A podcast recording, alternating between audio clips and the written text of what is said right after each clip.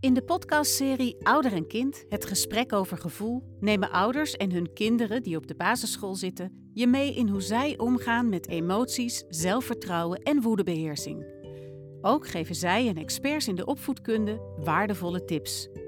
Je gaat fouten maken als ouder, alleen hoe herstel je dat? Soms is mama wel een beetje boos wat ik doe, maar dan hebben we niet meteen ruzie, dat niet. Heel veel sociale vaardigheid leer je aan, natuurlijk via ruzie maken, via het conflict. Dus we moeten het ook niet verschrikken. Ik had ook eigenlijk niet moeten schreeuwen, want dat doe ik dan ook wel eens. De perfecte opvoeding is, is een opvoeding waarin dingen niet perfect gaan. Kinderen spiegelen alles. En het is aan ons om in die spiegel te kijken. Dat is wel mijn tip. Gewoon, gewoon weer naar de positieve dingen kijken.